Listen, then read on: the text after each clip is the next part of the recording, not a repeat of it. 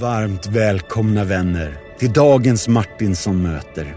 Som blir ett lågmält men innerligt samtal med den varma, kloka och genomtänkta pastorn, själavårdaren, låtskrivaren och musikern Roland Stare.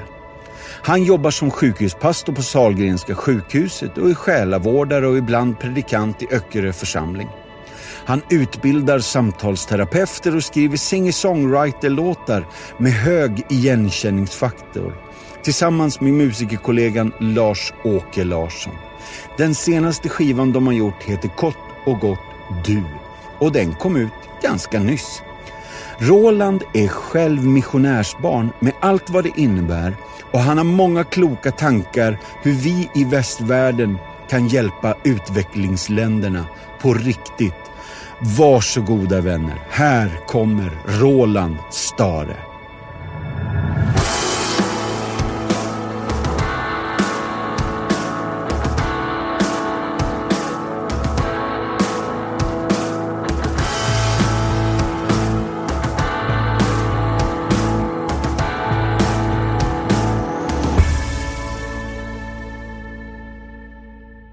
Då är alla Martinsson mötegästerna redan välkomnade, men nu är det hög tid och min stora glädje att få hälsa dagens gäst Roland Stare. Välkommen till Martinsson möter. Tack så mycket.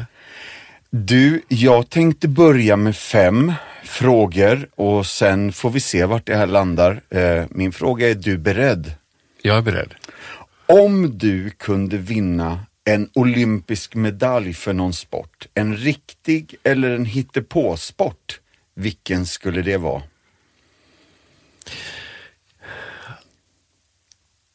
Rugby. Rugby? Alltså det är ju aningens överraskande. Vill du utveckla det här lite? Jag höll på med det yeah. när jag var barn. Ja. upp i, i tonåren faktiskt. Mm. Ja, det, det var min sport. Ja, vad gött. Ja, vad häftigt. Eh, fråga nummer två. Hur ser din drömdag ut? Om du får välja. Det är nog eh, en sån här dag. Alltså mm. vår. Eh, ute på i skärgården, mm. där både du och jag bor. Ja. Um, och liksom solen har gått upp och, och inte minst längst ut på klipporna, uh, att hinna med det också. Ja. Ja. Solen går ju ner sen på kvällen, där på väst, västra sidan. Ja. Men uh, ja. Mm. Fint. Med den livserfarenhet som du har nu, vilka råd skulle du ge ditt 18-åriga jag? Ta det lugnt. Det, det, har jag i och för sig alltid gjort, mer eller mindre, men eh, det är inte kört eh, om det här året blir fel. Det kanske skulle kunna vara ett sånt. Ja. Vi skulle kunna spinna vidare kring ja, jag fattar. min, ja, jag som 18-årig och, och nu jag som 65 plus. Ja, ja, ja jag är med.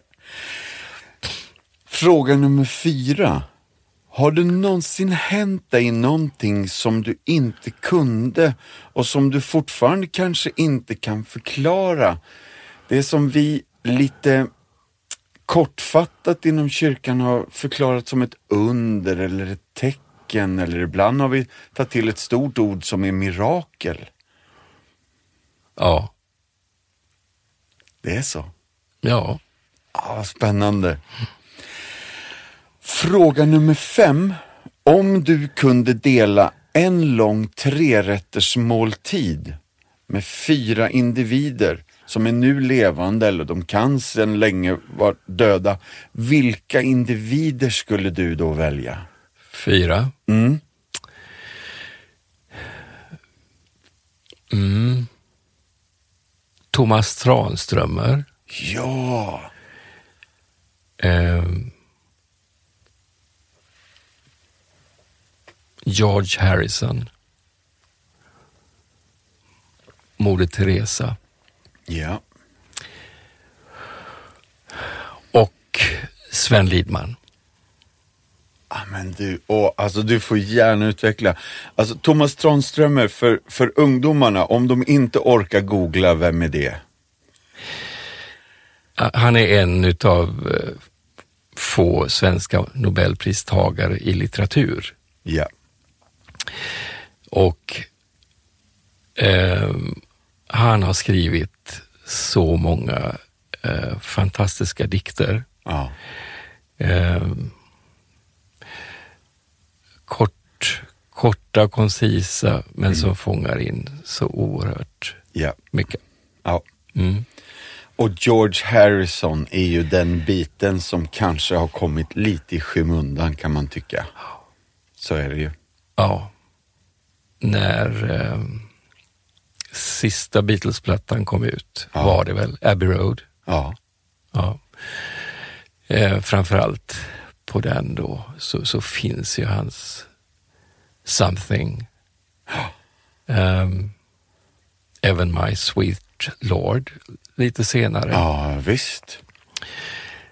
Ehm, Och Here Comes the Sun. det var den som är den, alltså det, det är den som är den allra, allra, allra viktigaste för mig. Men alltså det här är ju jättespännande. Jag vet att vi egentligen ska gå vidare, men det går inte riktigt att gå vidare nu, för det här är en av mina viktigaste låtar också. Är det så? Det är så. På fullaste allvar så tycker jag nog kanske att det här är en av de bästa låtarna i modern musikhistoria. När upptäckte du den? Alltså, jag är ju lite för ung, så jag föddes ju när den här plattan kom. Ja, Så jag är evigt tack till min storebror Micke som är född 62 Ja. och som hade en skivspelare innan jag kunde krypa.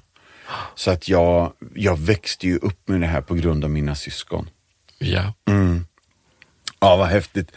Och jag hörde den i Indien när jag var 15 år. Ja, men du. eh, på en, en, en, en platta som var upptryckt under licens Ja. eh, och skivbolaget heter Dum-Dum. ja, vad bra! Nej, det var, det var tider. Ja. ja, jag fattar. Men du, den tredje var Moder Teresa. Eh, bara kort. Hon hamnar vid bordet. Ja, och jag kan tänka att jag inte är den enda som skulle vilja ha henne. Kanske ganska, ganska givet, för hon, hon har ju gjort ett sånt avtryck i, i modern historia. Ja. Ehm, så, så hennes utgivande liv och, och framförallt identifikationen med de mest utsatta människorna. Ja. Ehm, någonting i, i, i, i Kristus, alltså det som är essensen av att Gud blev människan och identifierar sig med oss så fullt ut som han, han gjorde. Eh, Inte att jag jämför henne med Jesus, men hon gestaltar det där som jag tror att många av oss vill Ja. också gestalta. Ja. Så ett för, föredöme, absolut. Ja, jättefint. Och den sista var Sven Lidman. Ja. Där får du också hjälpa oss lite. Jo, men eh, i alla fall i mitt liv så vid en punkt under, under, under mina vuxna år och som, som pastor i pingströrelsen oerhört imponerad av Levi Petrus eh, var jag och det är jag fortfarande. Men så, så, så kom liksom Lidman in från sidan in, in i mitt liv när jag fick läsa om hans sätt att beskriva nåden. Ja. Och det är ett tema som, som har följt mig tror jag i, i alla år, men det blev förnyat på något vis när jag, när jag fick läsa och, och lära mig osalighet och gåtfullhet den vackra salmen som han Ja. skrev. Ehm, och senast jag predikade var ju andra söndagen i påsktiden när Jesus möter Petrus på stranden. Ja. Och då blev jag, påmind om, om både Lidman och nåden Mm. eh, och är fascinerad eh, alltjämt Ja, av detta begrepp. Eh, Alltså Petrus som, som lovade så mycket och var, han skulle aldrig liksom svika sin, sin vän Jesus, men sviker när det väl gäller. Och blir inte liksom heller tillrättavisad av Jesus när de möts på stranden, Nej. utan bara bekräftad. Ja. Och så i slutet utav hans livsgärning, någonstans 30 till 35 år efter, ja, senare, så skriver han ehm, i slutet av brevet något jätteintressant. Vet du vad det står där? Ja, inte nu i Inte alla nu, fall. nej, nej. Men vad jag tänker på är, väx till i nåd Mm. och kunskap om vår Herre Jesus Kristus. Nu då Roland. Roland Emanuel Stare. Det är korrekt. Det är korrekt. 24 oktober 1956. Ja. Det är också korrekt. Yes. Om, om vi ska ha lite fakta om dig då. Alltså för det första, var är du född? Jag är född i Colombo på Sri Lanka. Ceylon hette det då på den tiden. Ja. Mm. Och då är det det här Ceylon som det stod massa olika tesorter på när man var liten. Liksom. Ja, precis. Japp. Colombo, Ceylon, Sri Lanka. Eh, alltså det är någonting med, med candy. Ja, Är, är, och då är det inte godis vi pratar om. nej, Candy med K. Ja. Där har du vuxit upp. En stor del utav min, min barn och, och tonårstid Ja. växte jag upp där då. ja. Det är en stad i centrala delen utav Sri Lanka. Eh, 500 meter upp ovanför havsytan. Ja. Och 15 av dina 20 första levnadsår Ja, tillbringades här. ja, Mamma och pappa var missionärer. yes. Ja. Och du fick bara åka med? Jag fick bara åka med. Mamma var gravid när de åkte ifrån Sverige. Just det. Och du var sedan länge väntad också. Ja, nio års barnlöshet. Ja, äh, det finns ju så mycket och jag, jag vet någonting om det, någon svensk skola på någon plats som heter Kodaikanal tror jag i södra Indien. Ja. Stämmer det? Det stämmer. Ja. Två utav mina högstadieår var jag där Ja. i Svenska skolan. ja. Men utöver dessa fantastiskt spännande orter så är det också Styrsö Ja, som, som gäller ibland. precis. Ja. Där har jag mina rötter. Det är därifrån mina föräldrar kom. Just det. Och hade de varit ute länge i mission innan, innan eh, jag säga, du fick åka med? Nej, det var första, det var första, första plats de kom till. Ja. Så eh, de hade ju, det, det är också en berättelse men den, den skulle ta alldeles för lång tid. Eh, de upplevde kallelsen på en till, till missionsfältet som det kallades då på den tiden. Eh, hemma vid på Styrsö. Ja. Eh, innan jag, de ens var gravida. Ja. Och så fanns det då någon, en, en upplevelse som framförallt mamma fick till sig och det var att eh, skulle de svara ja på kallelsen till det land som de inte visste någonting om, Nej. så skulle det, de skulle få en, en son som skulle födas där. Ja. Ja, så att det blev ju... ehm, de åkte till England och, och, lärde sig språk. Pappa läste på bibelskola. Eh, ett år tror jag det var. Ja. Och där blev mamma gravid. Ah. So I'm made in England. Japp. Åh, gött. Och sen bar det iväg eh, efter det. Ja. Och hur åkte man dit då på den här tiden? På den tiden så åkte man båt. Ja. Först härifrån Am- Amerikakajen Mm. eh, till eh, strax norr om London, i någon av hamnstäderna där. Ja. Och sen var det de stora fartygen som gick ifrån Southampton. Ja. Ehm, och det var de fartygen som, som, som åkte till eh, Australien. Mm. Och det hade PNO hette, hette den linjen då, Pacific and eh, Orient Lines tror jag det var. Mm. Ja, Ja. Men du, var det såna här, alltså ja, man har ju hört om den här avskeden vid Amerikakajen där folk står och sjunger Tänk när släkt och vänner. Ja. Var det såna här dramatiska då man inte visste när kommer ni tillbaka eller sådär? så var det ju när de åkte iväg första gången. Jag tror att det också var på det sättet de, de två eller tre andra gångerna vi åkte båt. Ja. Eh, och mamma, mamma och pappa fick ju erfara att, att det var sista gången de mötte mm, min farmor. Eh, Ja. Hon dog under tiden de var där ute. Och, och min morfar dog också. Mm. Vilken, vilken dramatik det är alltså. Mm. Hur, eh, alltså, var det brevledes ni hade kontakt? Det var brevledes och så var det telegram som kunde skickas också. Just det. Ja, Och det kunde gå lite fortare då? det kunde gå fortare. Ja. Så att eh, när jag föddes så skrevs det telegram. Mm.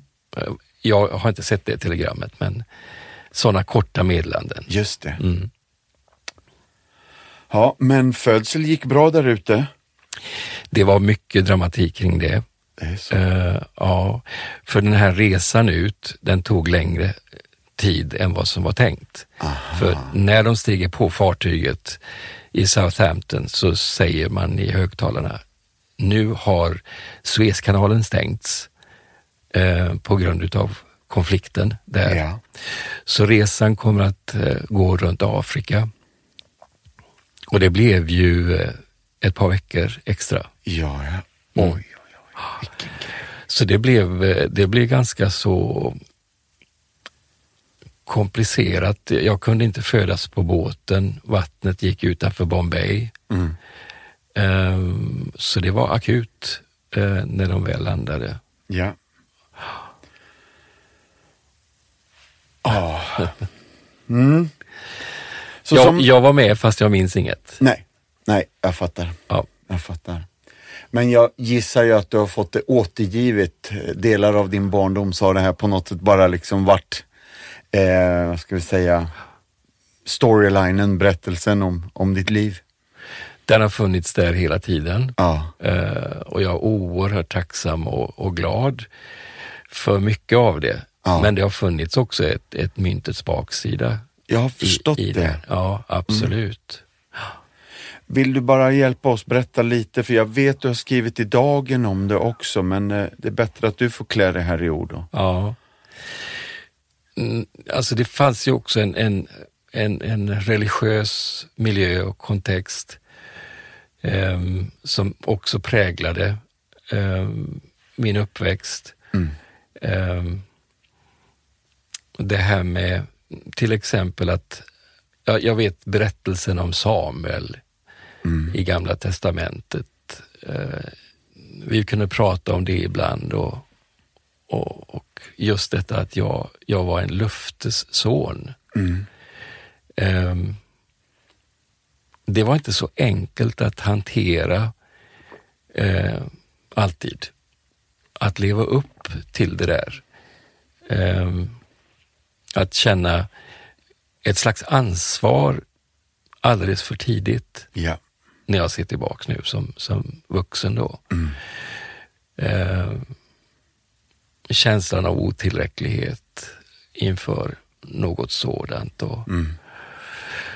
eh, pappa med sitt, sin ansvarskänsla, han, han, han stod ju pall för väldigt mycket och, och är ju omnämnd ofta när vi kommer på besök där nere. Jag har förstått det. Ja. Mm. Och som mamma sa de, they invested their lives in us. Ja. De investerade sina liv i oss. Mm. De var där i 35 år. Yeah. Även under de svåra krigsåren då. Eh, I slutet av 80-talet. Innan de till slut kom till Sverige. Yeah. Eh, det, det, finns en del att säga om det också. Ja, jag förstår det. Mm. Där finns ju idealiseringen då eh, av människor. Mm. Eh, exotiskt var ju det. Att, att få höra missionärer när de kom tillbaka och berätta om sina år och sitt arbete. Just det. Ja. Eh, det fanns inte så mycket annat som, som var så spännande Nej. på Styrsö, Nej. tror jag. Det var det säkert, men, mm. men eh, jag har ju hört berättas om mina kusiner. Eh, vi, vi spelade ju in band, alltså rullband ja. och skickade hälsningar. Och det tog ett tag innan de kom tillbaks. Då, då, då liksom spelade man över det bandet ah, okay. med hälsningar därifrån. Ja. Och en av mina kusiner berättade hur, hur när de skulle lyssna på det här så fick han, han fick liksom ta på sig fina kläder och kamma sig om i håret. Okej. Ja, så det var lite högtid. Ja. ja. Satt de hela familjen eller hela kyrkan eller? Jag tror att, jag tror att det var hemma i, ja. i den familjen. Ja men vad häftigt. Ja men du, det låter som en av mina ungar. När vi får brev från våra fadderbarn, då ska det också klä upp sig. Ja, vad fint. I vanlig ordning gör vi en paus i podden, men den här gången vill jag läsa upp ett brev som Compassions generalsekreterare Claes Parsmo skrivit till alla faddrar och jag vill att ni också lyssnar uppmärksamt. Kära fadder, att vara fadder till ett barn är ett kraftfullt och effektivt sätt att bekämpa fattigdom. Tack vare ditt stöd så förändras barns liv för alltid. Så tack för att du är fadder. Krigets konsekvenser. Vi är nu tre månader in i kriget i Ukraina som Vladimir Putin inleder den 24 februari. Konsekvenserna har varit och fortsätter att vara katastrofala för de som är kvar i landet samt de miljontals människor som är på flykt. Ukraina och Ryssland har stått för 30 procent av världens produktion av vete samt för 20 procent av den odlade majsen. Det är två grödor som är basföda för miljarder människor. Nu driver den uteblivna produktionen upp priserna på bland annat vete till nivåer som vi inte har sett på 30 år. Mil efter mil av bördiga åkrar i Ukraina och Ryssland är just nu stängda för världen, vilket riskerar leda till svår svält. Compassion arbetar i just de länderna som riskerar att drabbas hårdast. Spannmålsbrist i kombination med covid-19-pandemin gör att framtidshopp och år av hårt arbete har gått förlorat. Det uppskattas att cirka 27 miljoner människor kommer hamna i fattigdom till följd av pandemin. Det är den första globala ökningen av fattigdom på mer än 20 år. Hur många som kommer att drabbas av konsekvenserna av kriget i Ukraina har vi än bara sett början på. I tider som dessa kan mycket kännas hopplöst, men tillsammans står vi på de utsattas sida. Tillsammans gör vi skillnad. Skulle du kunna tänka dig att bli fadder till ytterligare ett barn? Ditt stöd och din uppmuntrande röst talar hopp in i denna utmanande tid. Om du vill hjälpa ytterligare ett barn så ber vi dig att klicka in på compassion.se och bli fadder ännu en gång. Tack för ditt engagemang. Varma hälsningar Claes Parsmo, generalsekreterare Compassion Sverige. Du, Roland, nu arbetar ju du som sjukhuspastor på Salgrenska och är själavårdare och ibland predikant också i Öckerö församling. Mm. Du har jobbat som pastor i åtminstone tre frikyrkor va? Stämmer. När kom musiken in i ditt liv? Vi har ju redan hört om George Harrison när du var 15, men när började du lira själv mer? Ja, men det var, det var mamma som lärde mig Det är så? tre ackord. Ja. Hon spelade mandolin och gitarr. Ja. Ja, pappa spelade dragspel. Mm. Eh, så att det, det, det där har sina rötter på Styrsö faktiskt. Ja. Så att ja, jag lärde mig och, och, och spela gitarr av mamma.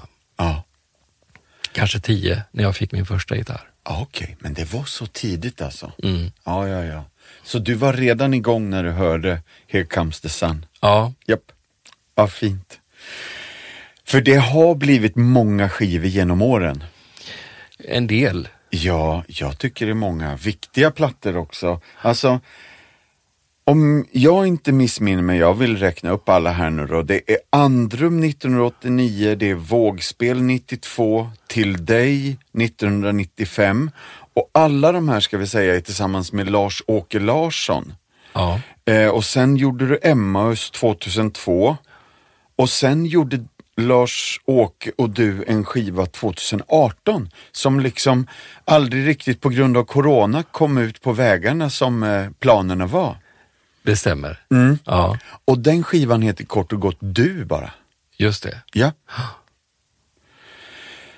Alltså, jag tror att det fanns något, eh, alltså, jag vet, alltså, Öckerö var det, Roland Utbult, eh, Jerusalem fanns väl där ute i svängarna och Danne Gansmor bodde på öarna och ni spelade in skivor med, med Desmond och Emanuel och Emanuels och hela det här gänget. Fanns det någon jag tror att du åkte ut på någon turné 77 med Desmond, Emanuel Jaja Krishna och Lars-Åke Larsson. Och... Kommer du ihåg det? Ja, ja det, jag kom, kom till Sverige den, den våren 77 Ja. med då Desmond, Fernando och eh, Emanuels svåger som heter Imbam. Aha, Ja, han var pastor på Sri Lanka. just det. Eh, och vi reste runt eh, och så anslöt Emanuel för han gick på bibelskola i England också. Okej. Ehm, Så vi, vi reste runt i Sverige och samlade in pengar till kyrkbyggen på Sri Lanka. Ah, var det så det var? Ja. Det blev ungefär, jag tror det var 50 eller 55 möten eh, Hjälp, på några veckor. Ja, det, på några veckor också. Ja. Ja, bra jobbat. Det är en rejäl turné, det är inte som vi håller på nu med någon spelning här och där. Eh, 1979 händer någonting, eh, vet jag. Mm. Vad? Vi gifte oss, Marie-Louise. ja Yes. precis, på Öckerö. Öckerö var det ja. Och ni har fyra barn och jag tror att jag har namnen på några, men kan du hjälpa mig här då?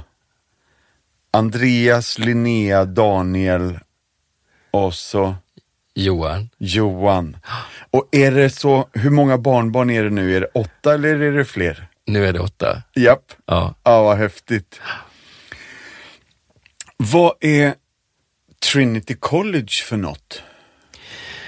Trinity College, det är ett, ett college på, i Kandy på Sri Lanka. Ja, Eh, låg mellan högstadie och gymnasie motsvarande. Alltså man, går man hela tiden där så är det 12 år. ja, Men det, för mig var det en väldigt kort period. ja. Mm.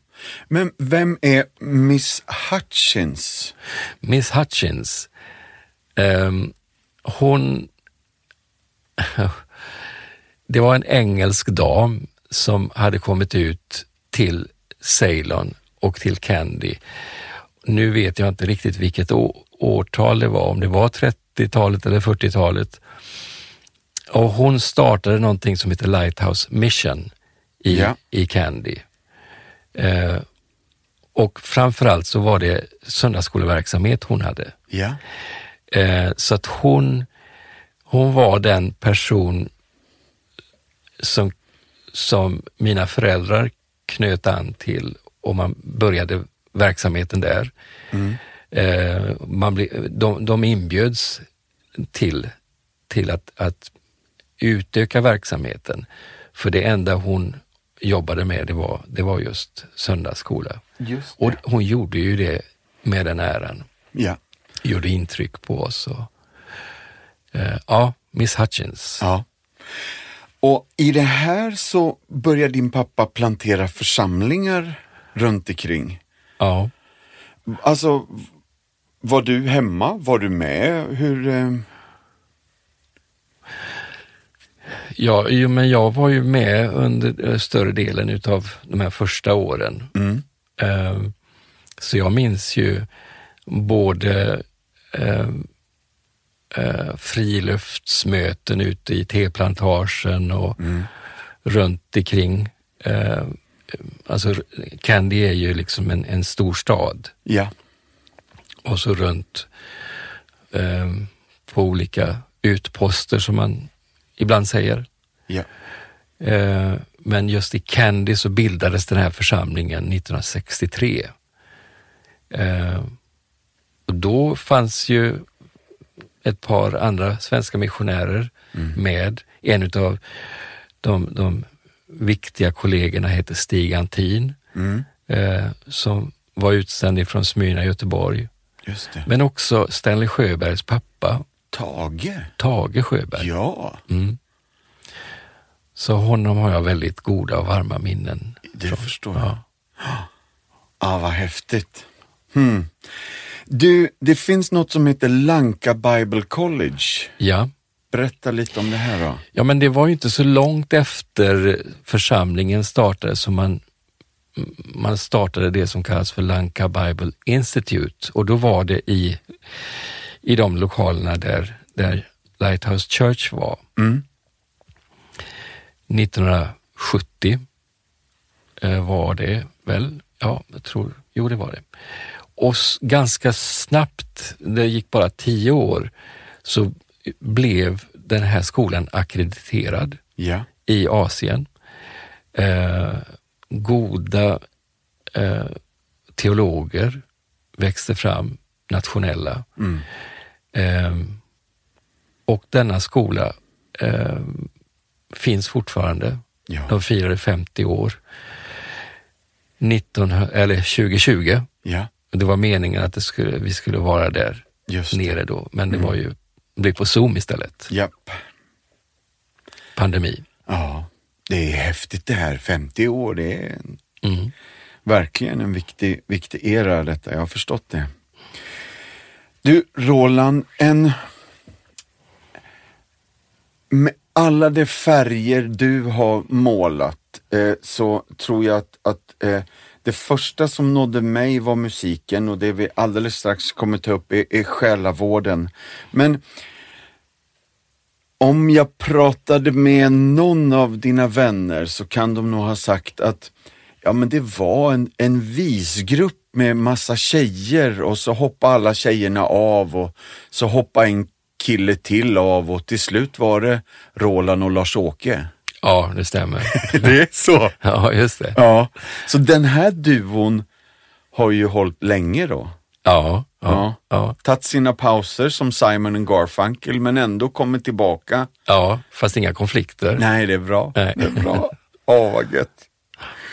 Ehm, ju, ja, jag går på det här spåret. Jag måste bara få fråga. Det finns en låt på senaste skivan. Den skivan som heter Du. Finns på Spotify och den går att köpa av er också. Jag tycker att alla ska köpa den fysiska plattan av Roland och Lars-Åke. Men i alla fall, jag tror det är låt, sista låten som heter Brevet. Ja, Kan inte du bara berätta lite om den här storyn bakom? Just det. ja, men vi, eh, Vi var på skrivarkurs, Lars-Åke och jag, eh, tillsammans med Irma Schultz. Och det var när vi höll på att skriva eh, till det som sen blev Du. Och så fick vi lite olika övningsuppgifter. Ehm, ehm, och så kom det att handla om brev. Ja. Ehm, och vi fick lyssna till lite olika exempel och sådär. Och så skulle vi, vi, ja men, vi fick liksom det i uppgift Ja. resten av dagen och så skulle vi presentera näst, nästkommande dag tror jag det var. Och jag funderar, ja, brev, brev, finns det något brev? Ja, men det finns ett brev som aldrig kom fram. Ja. som jag blev påmind om. Och just då så var det ju eh, 2017 ju. Det var 40 år sen det där brevet kom bort. Ja. Och det är inte så eh, väldigt tydligt i, i låten heller. Men eh, att, att du vill veta nu, det är det du Nej, Du, får, du får berätta hur mycket eller hur lite du vill. Ja, och visst. Det var ju så att vi var eh, nykära, Marie-Louise och jag, innan jag skulle åka ut till Ceylon eller Sri Lanka igen med mina föräldrar. Och jag jobbade i församling eh, en kort period där. Och vi hade brevkontakt. Ehm, och så någonstans längs vägen så skriver Marie-Louise öppenhjärtligt att tiden går eh, och, eh, och jag har ju inte läst brevet. Nej. Eh, Så hon, hon antyder där att, att, eh, ja, men, eh, att hon tyckte om mig och sådär, men ehm, och jag, jag höll ju på, jag hade väl skrivit väldigt personligt och sådär, att jag var kär. Men det där brevet kom aldrig fram. Just det. Så att när vi väl kommer till Sverige, det första jag gör det är, det är att ringa hem till svärmor och svärfar och, och få prata med Marie-Louise. Och, och eh, ja men vi måste ses. ja men så, så, så blir det så att vi, vi, det blir en fin sommar Ja. tillsammans. Hon åker med på turnén och sådär. Ja. Inte hela tiden men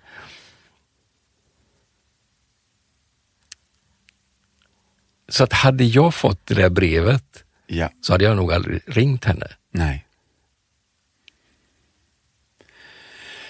Det finns en film från 1997 med Gwyneth Paltrow i huvudrollen som heter Sliding Doors. Ja, Där hon liksom, man ser de olika händelseutvecklingarna. Hade hon valt att gå den här vägen istället så hade det här händelseförloppet Ja. inte skett. Och det är väl lite så man känner här. Det är spännande alltså. ja visst. Jättefint. Och en jättefin sång också. Ja men den, den var rolig. Jättegött. Du, eh, har du ätit glass i Falkenberg? Ja, Händer det något? ja, Ja. Det, det gjorde det. Vart hamnar glasspinnen? Det- var en, en, en spelning med Lars-Åke, Ja. så att eh, jag snubblade med glasspinnen i munnen. Ja. Till och med en Magnum var det. Så den var ganska bred. Ja. ja. Så att den for in i, i, i kinden på mig, men kom aldrig ut på utsidan. men, eh, men vi sjöng ändå sen. Det här är helt otroligt. Åh, vad... jag, jag harklar mig bara jag tänker på det. Ja. Men ni åkte till farbror doktorn va? Jag tror inte det. Nej. det löste Inte sig. den gången vi Nej, hade det. Underbart. ja. Och vi, vi har en annan referenspunkt till Falkenbergs spelningen då. Ja. Vi sålde två kassetter. Ja. Vi trodde ju vi skulle sälja mycket mer Ja. på den tiden. Men det var liksom någon slags, ja, det var, det var det minsta vi har sålt någon gång. Japp. Ja, jag fattar. Och så var det glasspinnen. Japp. Ja. Du Roland, se, jag tror att sedan 1996 har du varit själavårdsutbildare inom eh, pingströrelsen på, på Kaggeholms folkhögskola och på June folkhögskola. Mm. Alltså, hur, hur stor del har den här tjänsten varit? Eh, det har ju, när vi var på Kaggeholm så var ju det tre eh, kursveckor på, Ja. per termin. Mm. Eh, nu har det gjorts om sen vi kom till June. Ja. Eh, eller faktiskt eh, sista åren på Kagge var det väl också. Att vi istället har fyra perioder, eh, torsdag till söndag, eh, på två terminer. Ja. Så att, eh, ja, och det är ju mycket litteratur, läsning, mellan och olika uppgifter som deltagarna får. Just det. Ja. Så att det, eh, det är ju inte så mycket tid Nej. som jag lägger på det. Nej. Men det här i kombination med själavårdsarbetet i Öckerö församling och sjukhuskyrkan. Alltså det här, det här, du har ju gått i en väldigt tydlig riktning under väldigt lång tid. Ja, Ja. det, det får man nog säga. Ja. Ja. Ehm, så intresset för själavård ehm, fanns ju väldigt tidigt hos mig. Ja. Jag inser ju i efterhand att eh, det fanns någonting där när jag var barn också. Mm. Jag har fått lite berättelser om, om det som bekräftar. Just det. Ja, vad fint. Och så oerhört viktigt. Alltså, nu har ju svenska folket gått igenom ett gemensamt trauma i ett år och åtta månader med corona. Om, om du ska eh, bara, hur, hur mår vi? Ja. Isoleringen och, och ensamheten är väl något som alla är överens om har ju, har ju varit en, en baksida, Ja, en stor baksida. ja, Eh, sen, sen att kunna liksom välja ensamheten eh, frivilligt, just det. eh, eller halvt påtvingat kanske, men har, har, har vi haft förmågan att hantera det och hittat möjligheter och, i ehm, i detta med distansarbete och så har, har det väl varit en del vinster också med det. Men eh, vi är ju inte, vi är inte skapta till att, att vara själva. Nej, Vi, vi är ju relationsvarelser. ja.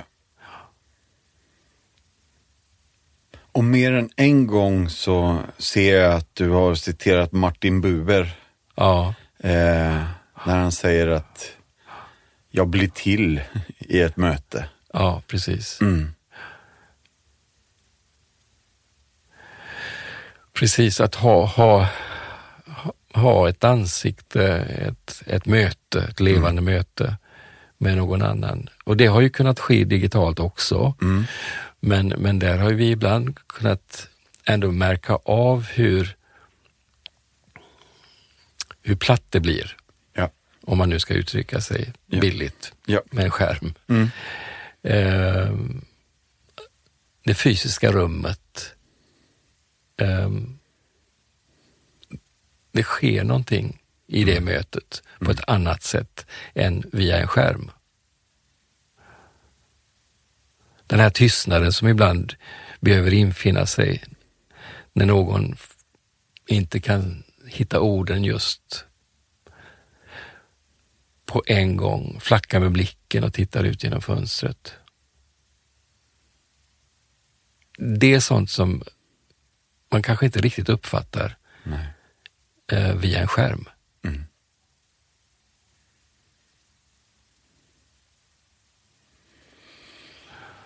Mm. Det är intressant. Ja, verkligen. Eh, det smärtsamma är, är ju, är ju de, de människor som har farit illa av det, Mm. såklart. Och det, jag brukar tänka att det finns in, inga kriser och svårigheter som ska jämföras. Eh, att Alltså vars och ens utmaningar i livet, det är, det är, det är min verklighet. Mm. Det ska inte jämföras med någon annans. Eh, men på sjukhusen har ju vi kunnat också ana att ehm, eh, det där som, alltså när det var väldigt mycket fokus på covid Mm. och själva smittan, isoleringen på grund utav den, eh, så, så glömde vi lätt bort att de människor som var beroende av vården också blev sekundärt drabbade. Mm. Eh, tillgängligheten försvårades. Om, om du skulle ge oss några tips. Alltså, du inledde ju med att berätta om våren och solen och eh, fåglarna här lite grann. Men eh, har du några fler stalltips som du kan ge oss? Någon medicin? Ja. Eh, men eh, jag skulle samtidigt då, nu undviker jag din fråga eller jag besvarar den på ett annat sätt. Ibland kan våren vara en plåga. Ja. Ehm, och då tänker jag inte bara på ehm, allergier som inte är ett bara, det är ett bekymmer. Mm. Utan jag tänker på äh, äh, att vi inte alltid är i fas med årstiderna. Mm. Äh, själsligt. När mörkret och skymningen är liksom den bundsförvant vi behöver Mm. för att uthärda det svåra. Mm. Eh, då blir det svårt Mm. när ljuset kommer. Just Det det. där bländande Mm. som avslöjar. Eh, det kan ju avslöja damm och sånt Mm. i våra hus också. Smutsiga fönster och... Men eh, jag tänker rent själsligt. Just det. Eh, och om det skulle vara något tips. Ja, jag vill bara ha sagt det, Mm. för jag tycker det, det är viktigt. Det är bra. Eh, men om man ska tänka kring tips, om jag bara går till mig själv, så, så är det det här att, att komma ut, att vara ute Mm. mer än, än, än jag annars är. Ja. Naturen Mm. är läkande, den, den ger så otroligt mycket. Mm. Eh, men ibl- ibland så, så, så, och då är jag ganska personlig och säger att jag, jag har ibland en benägenhet att trycka ihop så mycket i min agenda. Mm. Eh, så att jag försummar den där tiden med mig själv och med naturen. Mm. Att vara uppmärksam på det, Just det. helt enkelt. Är bra. Mm. Ja, fint. Du Roland, den här podden drivs ju av en organisation som heter Compassion, en fadderbarnsorganisation. Och hela ditt liv på något sätt har ju det här varit en, ett stort och, vad ska vi säga, avgörande inslag. Um, om, om jag fortsätter på det här frågeformuläret och undrar hur, om du är våran Bono idag och eh, vi tänker att hur ska vi utrota fattigdomen i världen? Eh, och du har bara några minuter på dig att svara.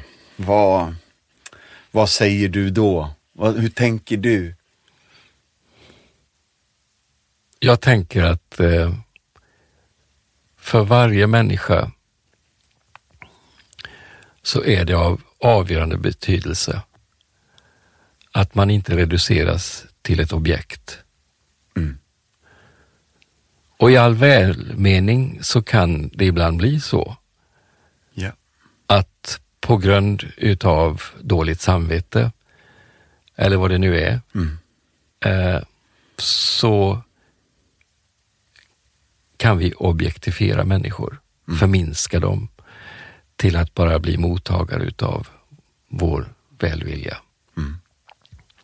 Jag säger inte att vi inte ska satsa eh, av det vi har på att göra livet lättare för andra. Men det jag skulle vilja lägga till då, det är att, att aldrig glömma bort att varje människa är ett subjekt.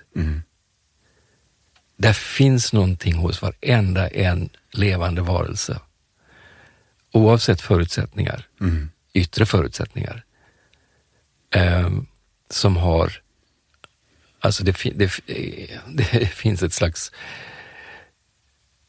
ett evighetsvärde. Ja. Jag brukar använda, kommer jag på nu, fyra begrepp, hoppas jag kommer ihåg dem nu då. Det är önskad, väntad, mottagen, älskad.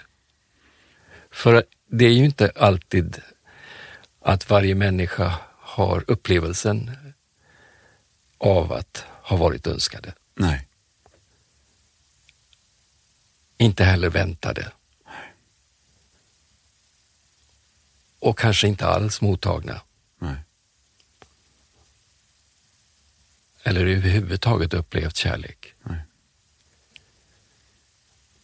Men där tänker jag i Guds hjärta Mm. och i Guds blick och hos dig och mig eh, som på något sätt bär evangeliet i våra hjärtan, så blir de här hur vi eh, möter en människa.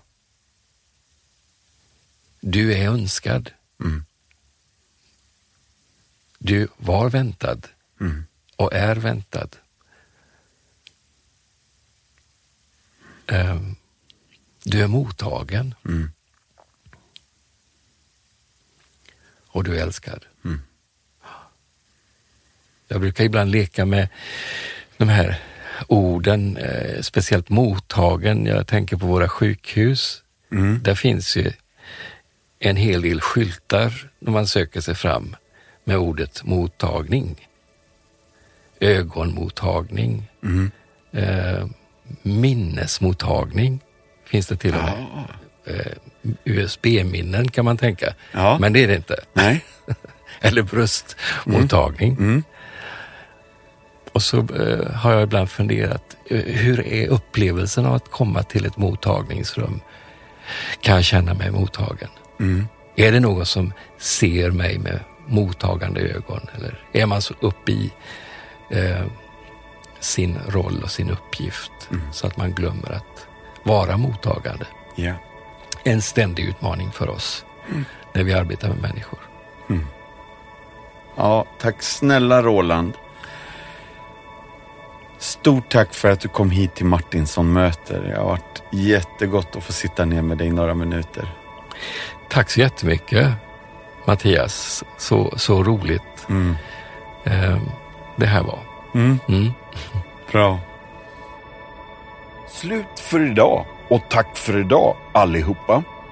Vill du veta mer om det som har pratats om i podden så har vi något på vår hemsida som heter Show Notes. Där kan du se alla länkar till sånt vi pratar om när vi refererar till en film eller en bok eller en sång. Då finns de länkarna där, så gå in på compassion.se så hittar du helt enkelt massa extra material. Tack, ha det bra, bye bye, hej då!